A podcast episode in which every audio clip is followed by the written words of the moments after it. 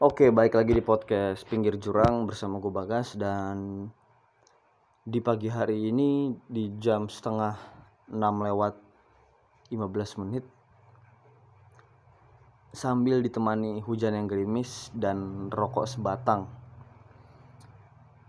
gue pengen ngebahas kayaknya seru nih tentang eksploitasi anak yang mana ini berangkat dari sebuah berita youtuber yaitu Ricis yang mengajak bayinya untuk bikin konten ekstrim di tengah laut tanpa pengaman.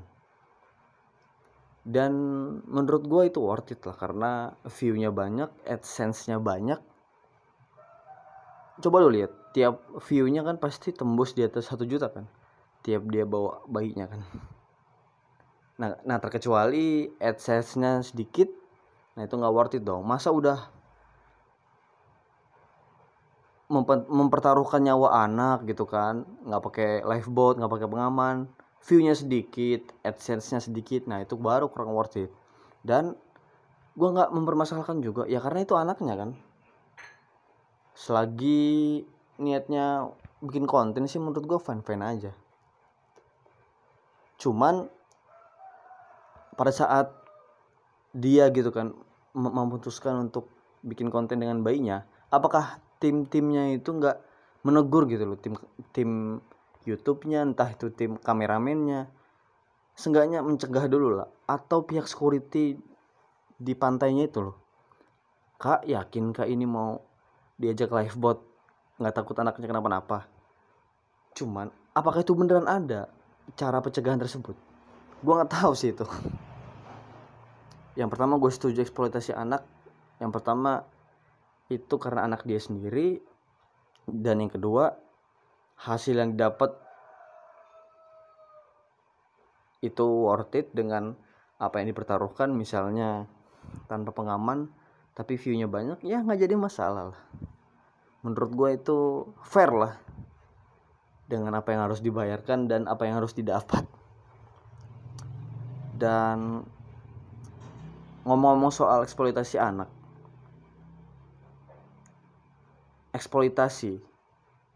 Itu setahu gue mempergunakan anak sebagai alat tanpa concern anak tersebut. Apa misalnya? Yang paling biasanya sih anak dia anak disuruh ngemis anak diajak ngemis di pinggir jalan. Mungkin gue setuju kalau yang misalnya orang tuanya mengajak anaknya ngemis ya mungkin karena di rumahnya nggak ada siapa-siapa kan? Daripada dia bahaya kan sendirian malah diculik ya mendingan diajak ikut kemis menurut gue sah-sah aja. Dan selagi anaknya ini masih berjuang untuk mencari apa masih berjuang untuk sekolah dan dia disuruh orang tuanya ngemis untuk duit dia untuk untuk duitnya buat dia sendiri dan buat sekolah menurut gue nggak apa-apa sih. Nah tapi yang anjingnya adalah orang tuanya nyuruh anaknya ngemis tapi uangnya buat dia semua. Dan sampai rela-rela anaknya itu diputusin sekolahnya kan. Hanya karena orang tuanya ini yang terlalu ego untuk menyuruh anaknya ngemis. Itu satu. Ya gue nggak setuju lagi adalah misalnya orang tua ini punya bayi gitu kan. Dan mungkin dia ini mager kan ngurusin bayinya karena terkendala biaya. Oke, dan dia mempergunakan jalan pintas yaitu menyewakan bayinya gitu kan. Menyewakan bayinya ke pengemis agar lebih dapat duit yang ekstra gitu loh dari dari para para pengguna jalan gitu kan lebih dikasihanin lah bahkan gue sempet dengar kabar katanya dipakein obat gitulah anaknya anak bayinya itu supaya terlihat tidur terus nah itu gue nggak setuju tuh. Itu mah namanya bukan eksploitasi lagi. Itu mah namanya jual beli anak men. Secara nggak langsung. Bahkan bisa juga prostitusi anak. Ya nggak sih? Ya mungkin ya. Dan ngomong-ngomong soal eksploitasi lagi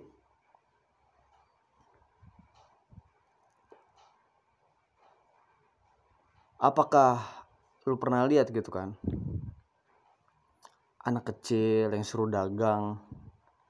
Itu eksploitasi oleh orang tuanya. Menurut gua enggak karena apalagi anak-anak SD yang sudah putus sekolah gitu kan dan dia benar-benar kerja dengan sadar dirinya kan bahwa dia memang kurang mampu. Terlebih lagi bapak ibunya mungkin nggak bisa nggak bisa nggak bisa cari duit cuman bisa nyemulung barang bekas plastik bekas bekas botol-botol air mineral dan orang tuanya menyuruh dia untuk bekerja dengan cara jualan gorengan keliling lah jualan pempek keliling lah jualan koran. Menurut gue lebih lebih worth it kalau orang tuanya ini nyuruh dagang gitu dibanding nyuruh ngemis.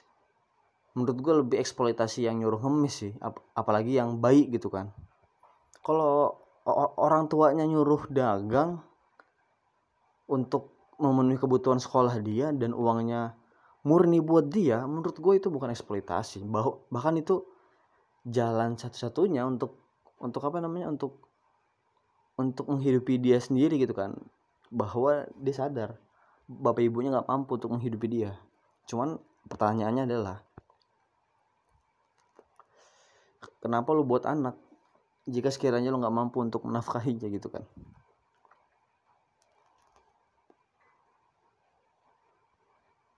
terlepas dari memang kalian sudah saling cinta satu sama lain tapi kalau masih miskin mah kalau bisa jangan punya anak dulu. Takutnya kasihan. Gue itu percaya bahwa tiap anak yang dilahirkan itu berhak memiliki masa depan yang cerah. Terlepas dari orang tuanya itu miskin ataupun kaya mereka berhak mempunyai hak untuk bersekolah dengan aman bersekolah tanpa terkendala biaya. Itu menurut gue hak dan kewajiban anak yang harus dipenuhi. Nah, cuman kan yang orang miskin ini miskin dalam tanda kutip dia benar-benar nggak bisa menghidupi anaknya untuk sekolah ya. Bah sampai-sampai dia nyuruhnya nyuruh anaknya untuk ngemis demi mencari duit rupiah itu kan.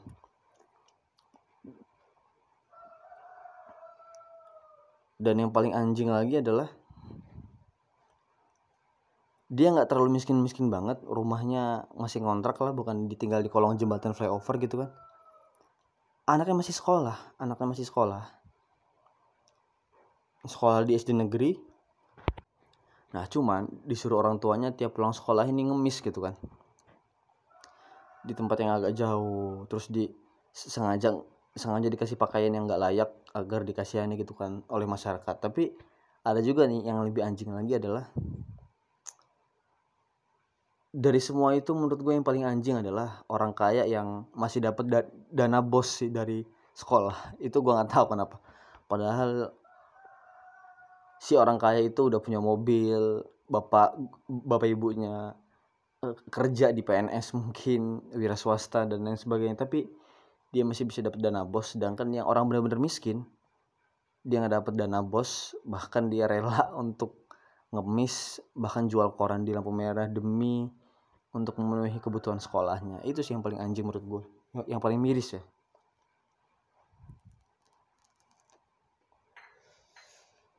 Dan nggak sedikit juga gue ngeliat anak-anak kecil itu yang sambil jualan koran di lampu merah sambil ngemis itu merokok gitu kan. Ya walaupun itu gue nggak peduli cuman mirisnya adalah belum cukup umur aja. Gue SD itu ngerokok cuma coba-coba itu pun kelas 5 kelas 6 bukan berarti gue mempromosikan diri gue lebih baik dari mereka ya bukan ya. Dan gue baru-baru bener-bener ngerokok ini ya lulus SMA ini. SMP itu gue jarang banget ngerokok. Dan mungkin untuk anak-anak yang denger ini percayalah bahwa masa depan anda itu bukan tergantung dari orang tua anda kaya atau miskin tapi masa depan itu adalah ya anda yang mempunyai kontrol itu sendiri. Kontrol itu sendiri. Entah bagaimana lo menyikapi hidup itulah masa depan lo kan bukan karena orang tua lo miskin orang tua lo kaya bukan. Menurut gue tiap anak itu berhak kok mempunyai masa depan yang cerah pendidikan yang layak. Seharusnya pemerintah itu wis pemerintah lagi. Harusnya pemerintah itu ya benar-benar memfilter lagi gitu kan bantuannya bahkan terkadang uang uang dana bos ini dikorupsi sama orang sekolahnya sendiri bahkan kepala sekolahnya sudah berkongkol dengan bendaharanya. Ya gitu gitulah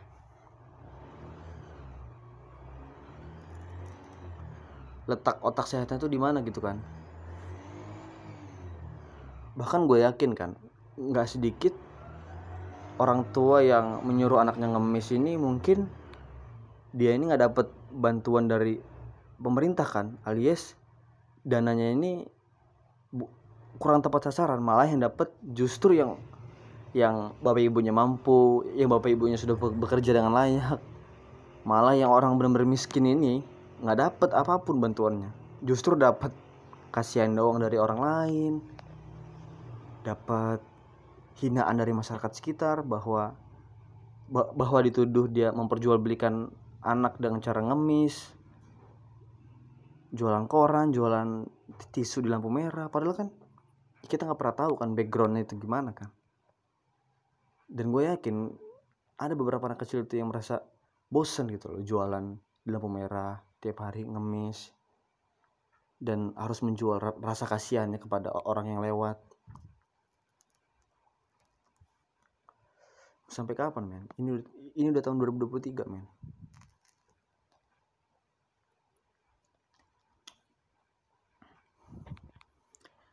dan gue pernah juga di Sukarame itu di warnet.